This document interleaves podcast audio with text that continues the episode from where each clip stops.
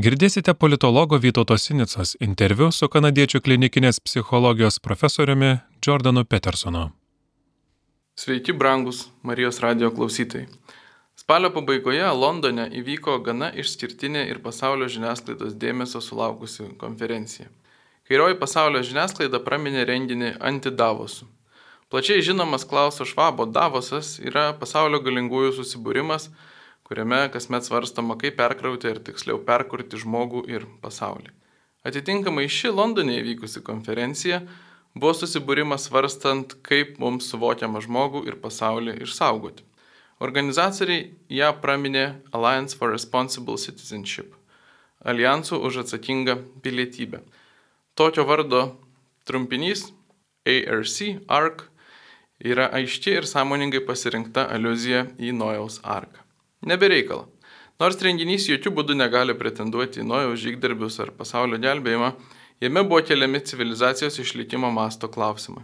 Organizatorių tikslas - ieškoti sprendimų, kaip išsaugoti vakarus nuo susinaikinimo. Vakarai būtent tai ir daro - naikina patys save.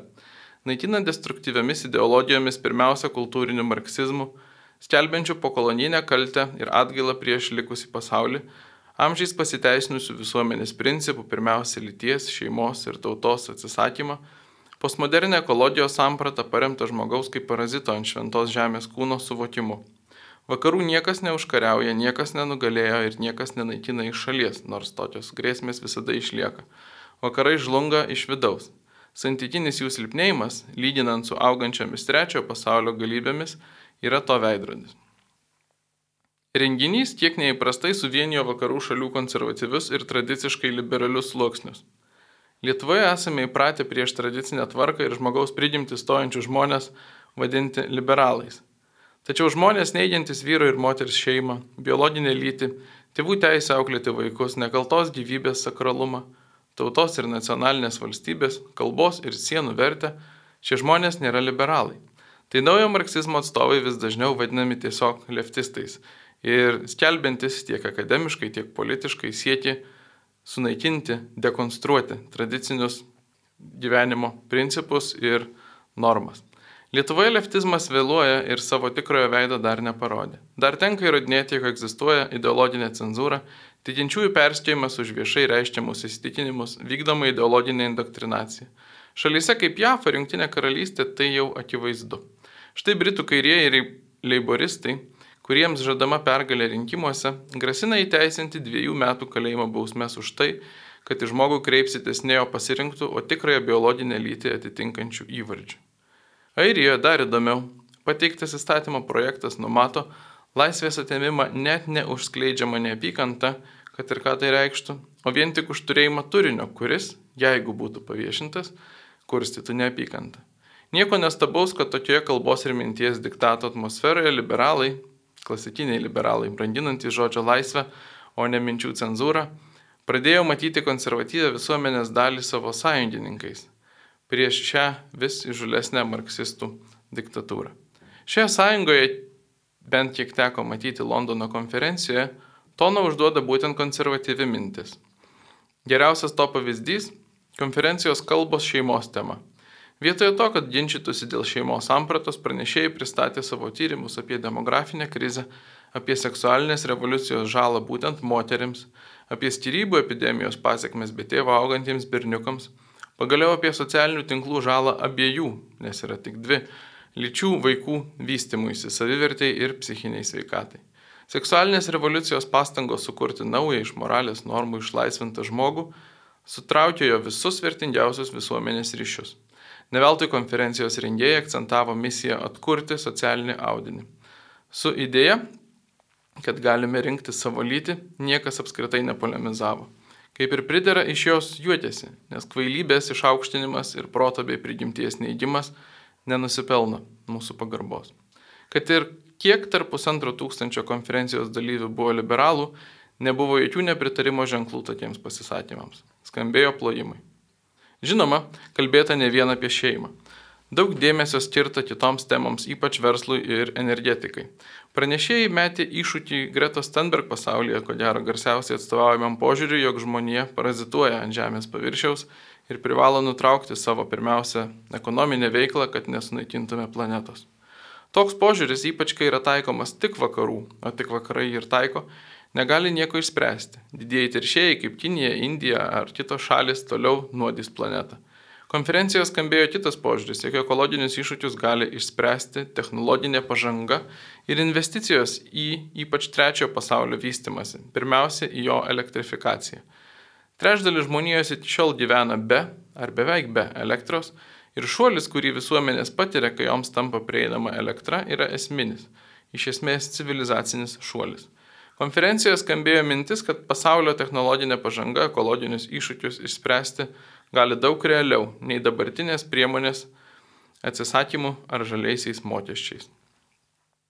Organizatoriai įvardijo kelis konferencijos tikslus. Visų pirma, tai galimybė susipažinti pasaulio bendraminčiams. Jei norintieji perkurti pasaulį aktyviai bendradarbiauja globaliu lygiu, tai norintieji jį išsaugoti gerokai atsilieka. Antra, ieškoti sprendimų. Apie tai pašnekėjome plačiau. Trečia, pasiūsti žinę vakarų visuomenėms, vadinamai tyliai daugumai, kad jos idėjos, galima sakyti, tradicinė pasaulyje žiūra ir klasikinė laisvės samprata taip pat yra atstovaujamos, kad yra žmonių brandolys norintis ir galintis įgarsinti ir atstovėti šias mintis pasauliniu mastu. Kas tie organizatoriai, apie kuriuos kalbame? Organizacinio komiteto vadovė baronienė Filipas Straud. Komitete daug kitų žinomų vardų iš anglosaksų šalių akademinio verslo ir politinio pasaulio. Pavyzdžiui, dabartinis JAF atstovų rūmų pirmininkas Maikas Johnsonas, buvę Australijos premjerai Joshas Howardas ir Tony Abbottas, Britų istorikas Nilas Fergusonas, politologas Warrenas Ferrelas, energetikos ekspertas Michaelas Šelenbergeris, verslo magnatas Polas Maršalas. Tiek tarp keturių dienų renginio pranešėjų, tiek ir tarp organizatorių dominavo Britai, Australai ir Amerikiečiai. Tai anglosaksų renginys. Visgi idėjos autoriumi visi vadina kanadietį psichologijos profesorių Jordaną Petersoną. Jordanas Petersonas išgarsėjo 2016 metais, kai būdamas Toronto universiteto profesoriumi viešai pasipriešino Kanados biliui C16 Biliui įpareigojusiam kreiptis į žmonės jų pačių pasirinktais įvardžiais. Kaip dėstytojai bendraujančiams su studentais tai buvo labai aktualu, kasdien sutinkama problema. Tada jis sakė, kad toks įsakymas yra totalitarinis, nes diktuoja žmonėms patį mąstymą, nurodo piliečiui, kaip suvokti tikrovę, arba įsako apsimesti, kad tikrovės nemato ir kad ji nesvarbi. Kova šiuo klausimu išaugo į gana pasaulinį reiškinį. Jordanas Petersonas tapo vienu populiariausių pasaulio akademikų Jo knygos perkamiausiomis daugybėje šalių, įskaitant Lietuvą, o jo pavyzdys įkvėpimu milijonams žmonių. Nors ne visada teisus ir klydęs, pavyzdžiui, vertindamas Rusijos galę, jos veiksmus ir perspektyvas, Petersonas yra vienas drąsiausiai ir giliausiai apie vakarų pasaulio problemas kalbančių pašnekovų. Renginio Londone metu gyvai pakalbinau Jordaną Petersoną apie žodžio laisvės, marksizmo, totalitarizmo problemas ir vidurio rytų Europos vaidmenį šioje pasaulinėje kovoje už žmonijos išlikimą. Džiaugiuosi galėdamas pasidalinti šiuo pokalbiu su jumis, brangus klausytojai. Sveiki profesorium, ačiū, kad sutikote pasikalbėti. Šį mėnesį atvykote į Lietuvą ir jei neklystu, tai buvo pirmas kartas. Kas atvedė į šį regioną, ar yra kokia nors konkreti priežastis? Asmeniškai man įdomu išvysti tiek pasaulio, kiek pajėgiu. Mums atsivėrė galimybė surenkti turą po Europą, o keliauti po vidurio rytų Europą man labai patiko visus kartus, kai tai dariau. Mes dar nebuvome buvę Lietuvoje. Atsivėrė tokia galimybė, tai ir buvo pagrindinė priežastis. Žinote, planuojant turą reikia atsižvelgti daugybę aplinkybių.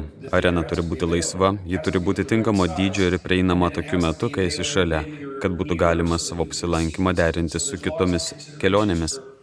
Todėl vyksta daug svarstymų, kokiais maršrutais ir į kokias šalis gali būti vykstama.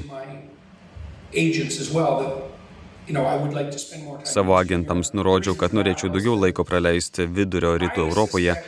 Taip nusprendžiau, nes įtariu, jog vidurio rytų Europai, o tai apimtų ir Baltijos šalis, tenka svarbus vaidmuo kenčiant moralinio marksizmo ir šiuo metu vykstančių kultūrinių karų tendenciją.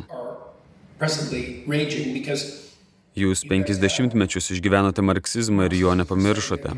Tuo tarpu mes vakaruose esame per daug vaili, kad suprastume, ką tai reiškia. Taigi tos idėjos, kurios jūs praktiškai sunaikino, vis dar patrauklios žmonėms čia, vakaruose. Tačiau jos nėra tokios patrauklios rytų Europos ar Baltijos šalių žmonėms, net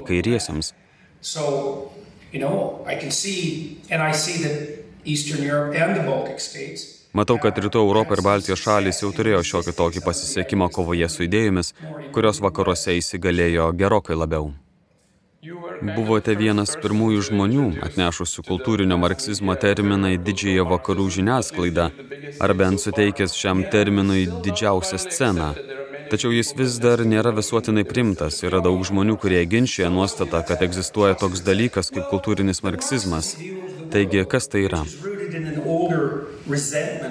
Na, marksistinis požiūris į pasaulį, kurio šaknis, sakyčiau, glūdi senesnėje pagėžoje, yra toks. Esama ekonominių engėjų, tarkime tai kapitalistai ir engiamųjų, tai yra proletariatas, darbininkų klasė, kurią intelektualai hipotetiškai remia. Beje, jie iš ties to niekada nedaro. Taigi, marksizme įtvirtinta dichotomija, kuri iš esmės yra engėjų ir engiamųjų naratyvo variantas. Septintajame dešimtmetyje, kai net Prancūzijoje tapo etiškai neprimtina būti marksistu, marksizmas tiesiog mutavo ir virto metamarksizmu arba kultūriniu marksizmu.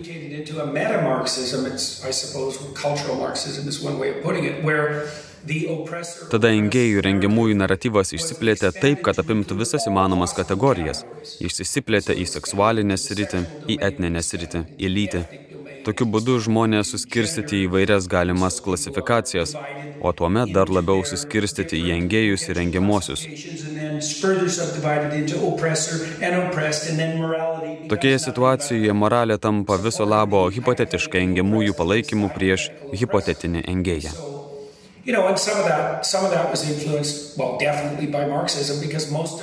Nemaža to dalis nebijotinai paveikta marksizmo, nes dauguma postmodernistų, kurie buvo šių idėjų ištakų centre, buvo marksistai ir jie teigia, kad yra marksistai. Foucault buvo marksistas, Derrida buvo marksistas, Sartras buvo marksistas, Nemanau, kad Sartras tiesiogiai kaltas dėl postmodernizmo, bet, kaip ir dauguma to meto prancūzų intelektualų, jis buvo marksistas. Tai nėra paslaptis, tai reikia paskaityti dabar garbinamų postmodernistų raštus, ypač Foucault. Aš to neišradinėjau. Ir kultūrinis marksizmas nėra mano išrastas terminas. Ši idėja rutuliojasi ilgą laiką. Iš ties nemanau, kad tai pats geriausias terminas, bet nežinau, ar turime geresnį.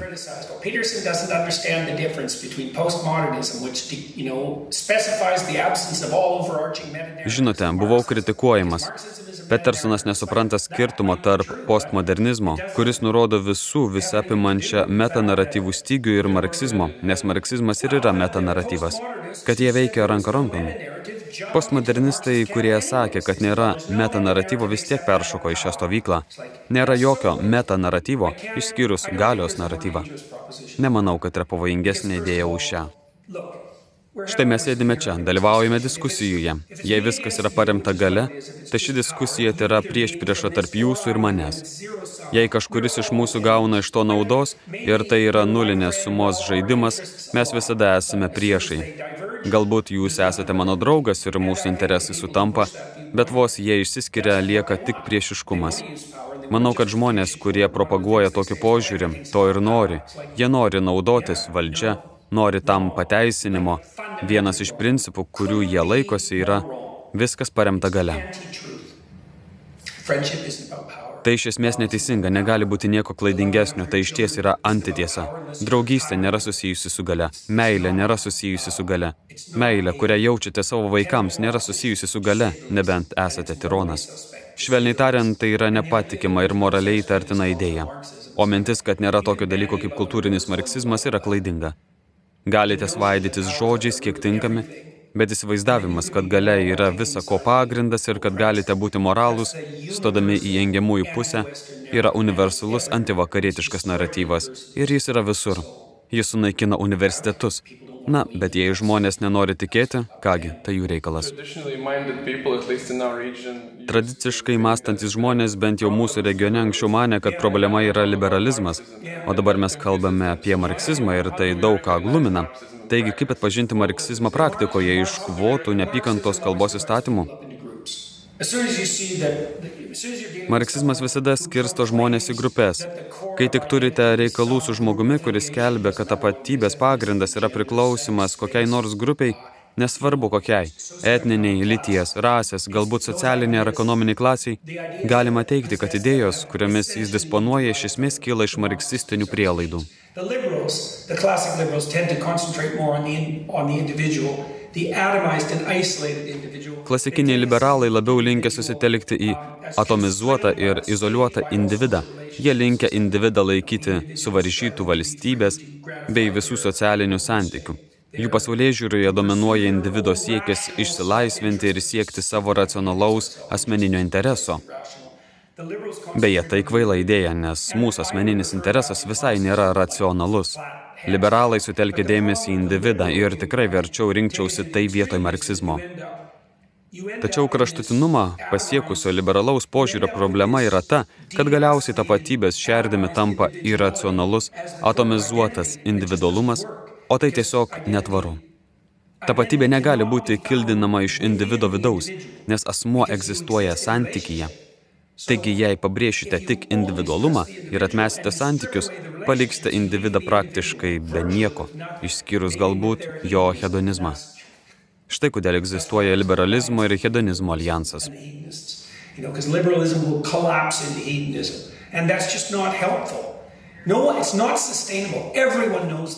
Liberalizmas žlugs hedonizme, tai tiesiog nėra tvaru, visi tai žino. Negalima tiesiog tenkinti savo užgaidų. Klasikiniai liberalai sakytų, Na, tu turi savo užgaidų, o aš turiu savo, ir mes galime rasti pusiausvyrą tarp jų. Tavo teisė į savo užgaidas baigėsi ten, kur prasideda mano teisės. Ir tai yra beveik visas jų valstybės apibūdinimas. Bet tai yra kvaila, nes valstybė yra santykių hierarchija. Tai daug sudėtingesnė sistema. Žinote, valstybė yra santoka. Valstybė yra santoka ir šeima. Valstybė yra santoka, šeima ir vietos bendruomenė tada miestas, tada provincija arba valstija, tada šalis ir dar kas nors, ką tai apima. O tapatybė yra visų šių dalykų veikimas kažkame panašiame į harmoniją. Jei esate santokoje, esate toks pat vyras kaip ir individas, o gal net labiau. Jei turite vaikų, esate labiau tėvas nei individas, arba bent turėtumėte toks būti. Jūsų individualybė randa savo pirminę išraišką tame jūsų būties elemente, kuris reiškiasi kaip vyras ir tėvas. Tai padaro jūs pilnavertiškesniu. Tai nėra pribojimas, tai yra jūsų tapatybės išplėtimas. Iš dalies priežastis, kodėl jauni žmonės taip desperatiškai reikalauja, kad jie patys galėtų apibrėžti savo tapatybę, yra ta, kad visa kita iš jų buvo atimta. Jiems pasakyta, šeima yra tik patriarchalinė institucija, jūs neturėtumėte turėti vaikų, o verslas yra ne kas kita kaip kapitalizmo groboniškumas. Taip greunamas vienas dalykas po kito, nepaliekant jaunimui nieko. Dekonstrukcija. Dekonstrukcija, taip. Įdomu tai, kad dekonstrukcija nenukeliauja iki apačios, nes patys dekonstruotojai niekada nedekonstruoja savo hedonistinių užgaidų. Būtent tai yra dalykas, kuris yra toks keistas atomizuoto individualizmo bruožas. Tarsi sakoma, na aš galiu daryti, ką noriu. Gerai, o kas yra tas aš, apie kurį kalbate? Ar aš yra jūsų netidėliotini norai, Vadinasi, su tuo susitapatinate ir manote, kad tai esate jūs. Tarkime, jūs esate įsiutęs, taigi dabar jūs esate tik įniršis, o gal jūs esate tik seksualiniai troškimai arba tik baimė. Tai nėra laisvė. Ir kodėl šie dalykai turėtų jūs apibriežti? Tai visiška beprotybė ir jei primsite hipotezę, kad tai esate jūs, rezultatas bus tokia beprotybė, dėl kurios tapsite visiškai nepakenčiama savo pačiam ir tapsite nepajėgus su niekuo sugyventi. Negalite sugyventi su žmogumi, kuris sako, aš darau tai, ką noriu ir kada noriu.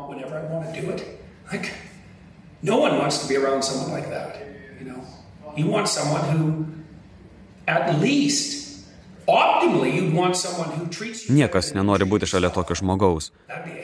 Norime ko nors, kas elgtų su mumis geriau nei patys elgiame su savimi. Su tokiu žmogumi būtų velniškai gera susidurti. Tokia ir yra siekiamybė. Ir jūs tengiatės to siekti santokoje, jei turite bent kiek proto ir mylite savo partnerį, tai galioja ir jūsų santykiams su vaikais.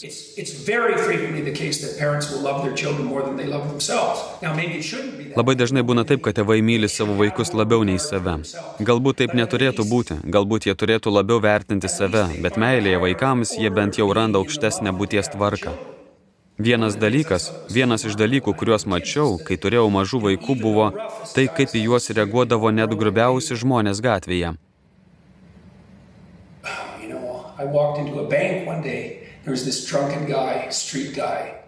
Vieną dieną įėjau į banką. Kampe prie automatinės kasos stovėjo girtas vaikinas iš gatvės. And, uh, Aš atsivedžiau ir savo sūnų, jis buvo tikrai gražus vaikas. Tuomet jam buvo tik apie trejus metus, žinote, laimingas mažas vaikas. Pamatęs jį, tas vaikinas kampe tiesiog susigūžė ir smogė savo. Jam buvo taip gėda. Beveik kiekvienas tampa ir bando tapti geresnė savo versiją šalia vaikų. Reikia būti išties tamsiu žmogumi, kad tavo geresnioji pusė neatsiskleistų pamačius vaikus. Tokių žmonių esama, bet ačiū Dievui, jų nėra daug.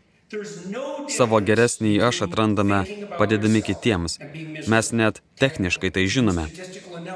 Nėra jokio skirtumo tarp galvojimo apie save ir nelaimingumo. Atlikus statistinę analizę ir pažvelgus emocijų ir pažinimo santyki, pamatome, kad nelaimingumas ir galvojimas apie save yra tapatus dalykai. Taigi, kol esate apsėstas tuo, ko norite, būsite visiškai nelaimingas.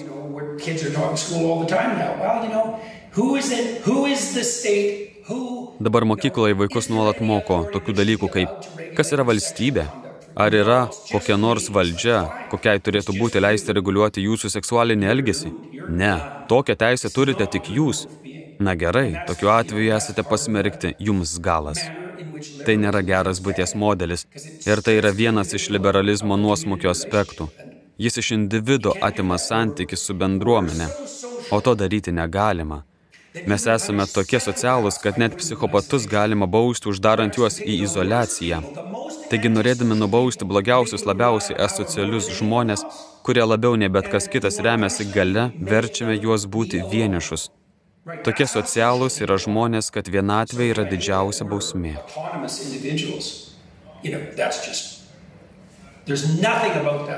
Taigi mintis, kad esame autonomiški individai, nieko nepagrista.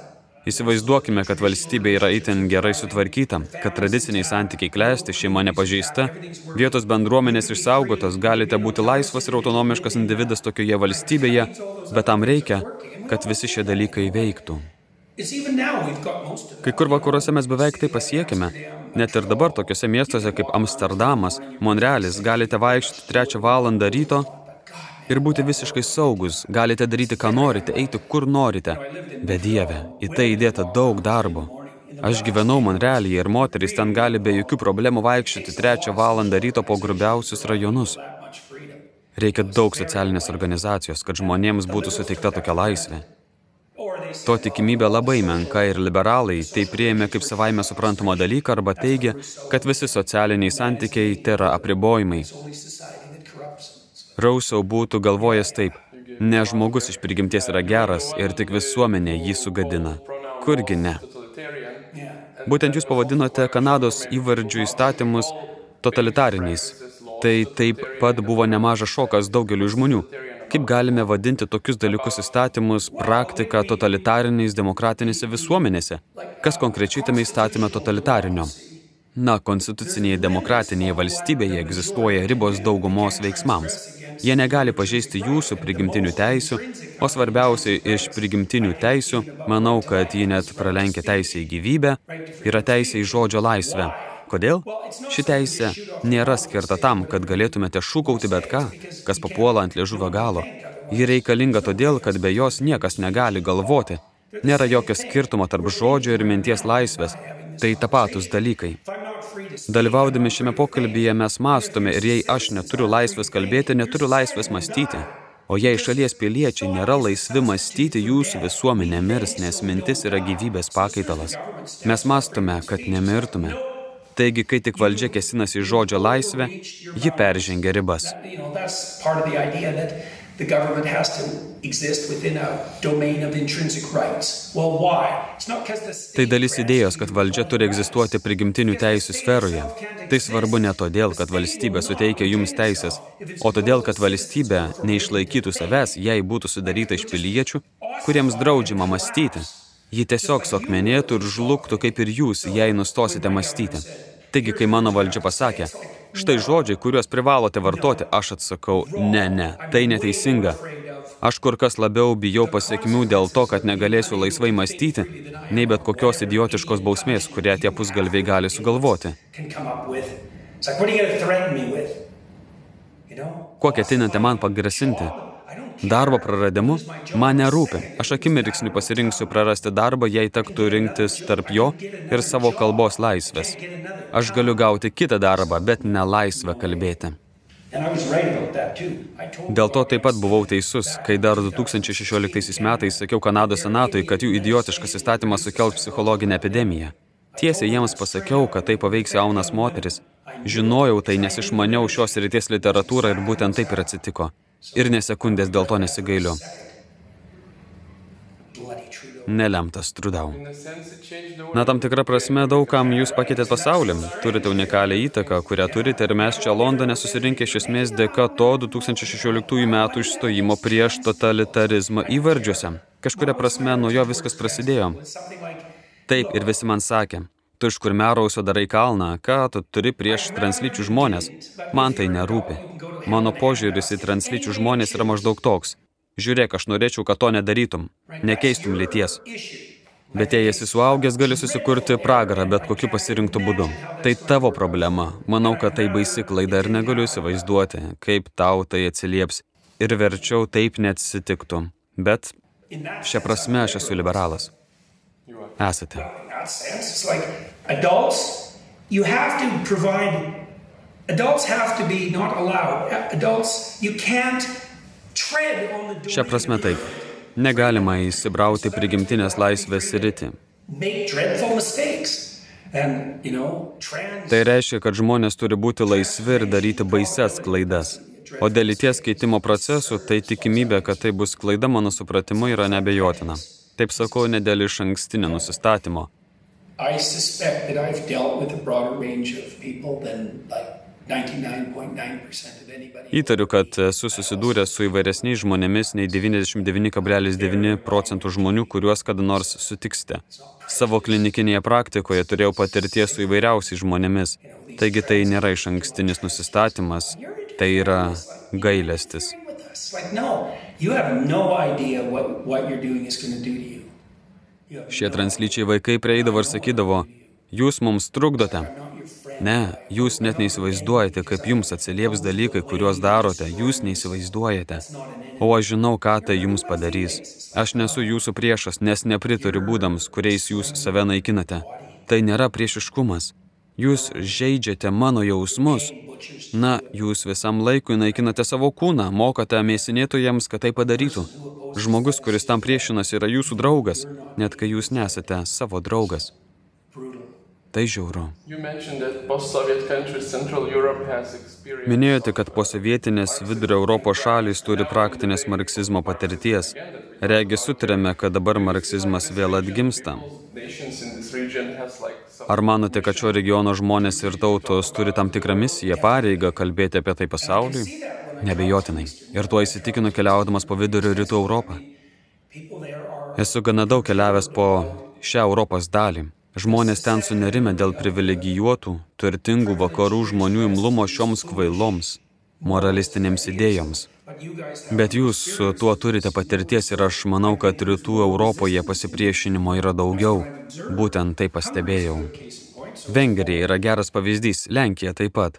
Vengrija visur vakaruose buvo drapstoma purvais dėl ideologinių, ne geopolitinių dalykų. Esu susidūręs su nemalonumais vien dėl to, kad nuvykau į Vengriją ir kalbėjausi su tenykščiais valdžios atstovais.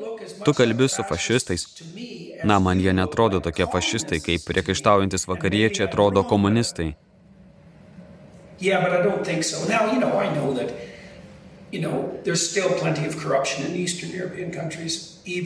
Galbūt klystu, bet nemanau. Žinau, kad vidurio rytų Europoje vis dar daug korupcijos, net pagal vakarų Europos standartus. Esu tikras, kad pavyzdžiui Vengrijoje korupcijos netrūksta, bet tai nereiškia, kad tai, ką daro Vengrijos vyriausybė, yra fašistiška. Ir jų tikrai negalima vadinti fašistais vien todėl, kad jie nemėgsta komunistų vakaruose. Man labai patinka Vengrijos prezidentė. Manau, kad ji šauni. Man labai patinka ir jos šeimos politika. Manau, kad jį puikiai perprato problemą ir tai yra didelis žingsnis į priekį. Taigi manau, kad vidurio rytų Europos šalims tenka tikrai svarbus vaidmuo, nes jos gali būti ta vieta, kur vakarų civilizacijai pavyks realiai pasipriešinti. Manau, kad tai tam tikrų mastų jau vyksta. Daugiau galios joms. Ar galima sakyti, kad ARK, Alijansas už atsakingą pilietiškumą, siekia padėti vakarų civilizacijai atsilaikyti? Norėčiau tikėtis, kad ARK yra čia tam, kad padėtų civilizacijai atsilaikyti. Tiesą sakant, įdomu, kad kalbame apie vakarų civilizaciją. Vakarų civilizacija, apie kurią kalbame, yra judėjų krikščionių civilizacija. Tuomet kokiu būdu ji vakarietiška? Ji tikrai ne europietiška, savo kilme ji yra artimųjų rytų, netgi tam tikrų mastų Šiaurės Afrikos. Ar tai vakarietiška civilizacija? Tai tiesiog civilizacija. Jūs galite paklausti apie hinduistus, konfucionistus. Taip esama civilizacijų įvairovės, bet ar dabar vakaruose vyraujanti civilizacija kyla iš judėjų krikščionių tradicijos ir dėl to turi pranašumų, kurių neturi kitos civilizacijos? Taip. Manau, kad taip. Pažvelkime į Kiniją. Ten situacija išties prasta. Jie akis krenta jų nuolankumas valstybės kontroliai. Na, jų visuomenės nėra pagristos aiškia nuostata, kad kiekvienas žmogus sukurtas pagal Dievo paveikslą. Ir aš manau, kad tai tiesa. Manau, kad ši idėja teisinga. Nėra nieko, kas labiau sutvarkytų jūsų gyvenimą nei šios idėjos prieimimas ir ją paremtas elgesys. Jei sugebate tai gyvendinti, viskas atsivers savaime. Ir jūs tai žinote, nes jei esate su kuo nors susituokęs ir elgiate su tuo žmogumi kaip su dieviško sąmonės apraiška, jie jūs pamels. Jūs elgsite su jais galbūt geriau, nei jie patys elgesi su savimi.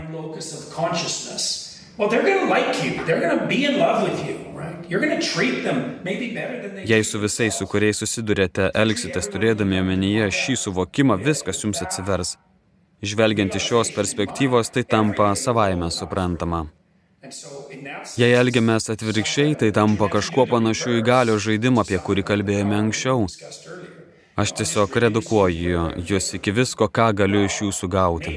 Galbūt man pavyks jūs apgauti vieną kartą, galbūt pavokti tai, ką turite, bet tai nesuveiks, jei su manimi bendrausite du ar tris kartus. Ir tada iš potencialaus draugo jūs paversiu priešu. Surinkite šimtą priešų ir pamatysite, kuo pavirs jūsų gyvenimas. Iš ties užtenka ir vieno. Priešą susikurti rizikinga, ypač tikrą priešą. Tikras priešas pasidegs, kad tik jūs sudegintų. Nereikia laukti, kol atsiras daug tokių žmonių jūsų aplinkoje, kol atsidursite pragare. Taigi, norėdami ištrūkti iš pragaro, elkite su žmonėmis taip, tarsi jie būtų sukurti pagal Dievo paveikslą. Praktiškesnio patarimo už šį nėra. Klausėtės politologo Vytauto Sinicos interviu su kanadiečių klinikinės psichologijos profesoriumi Jordanu Petersonu.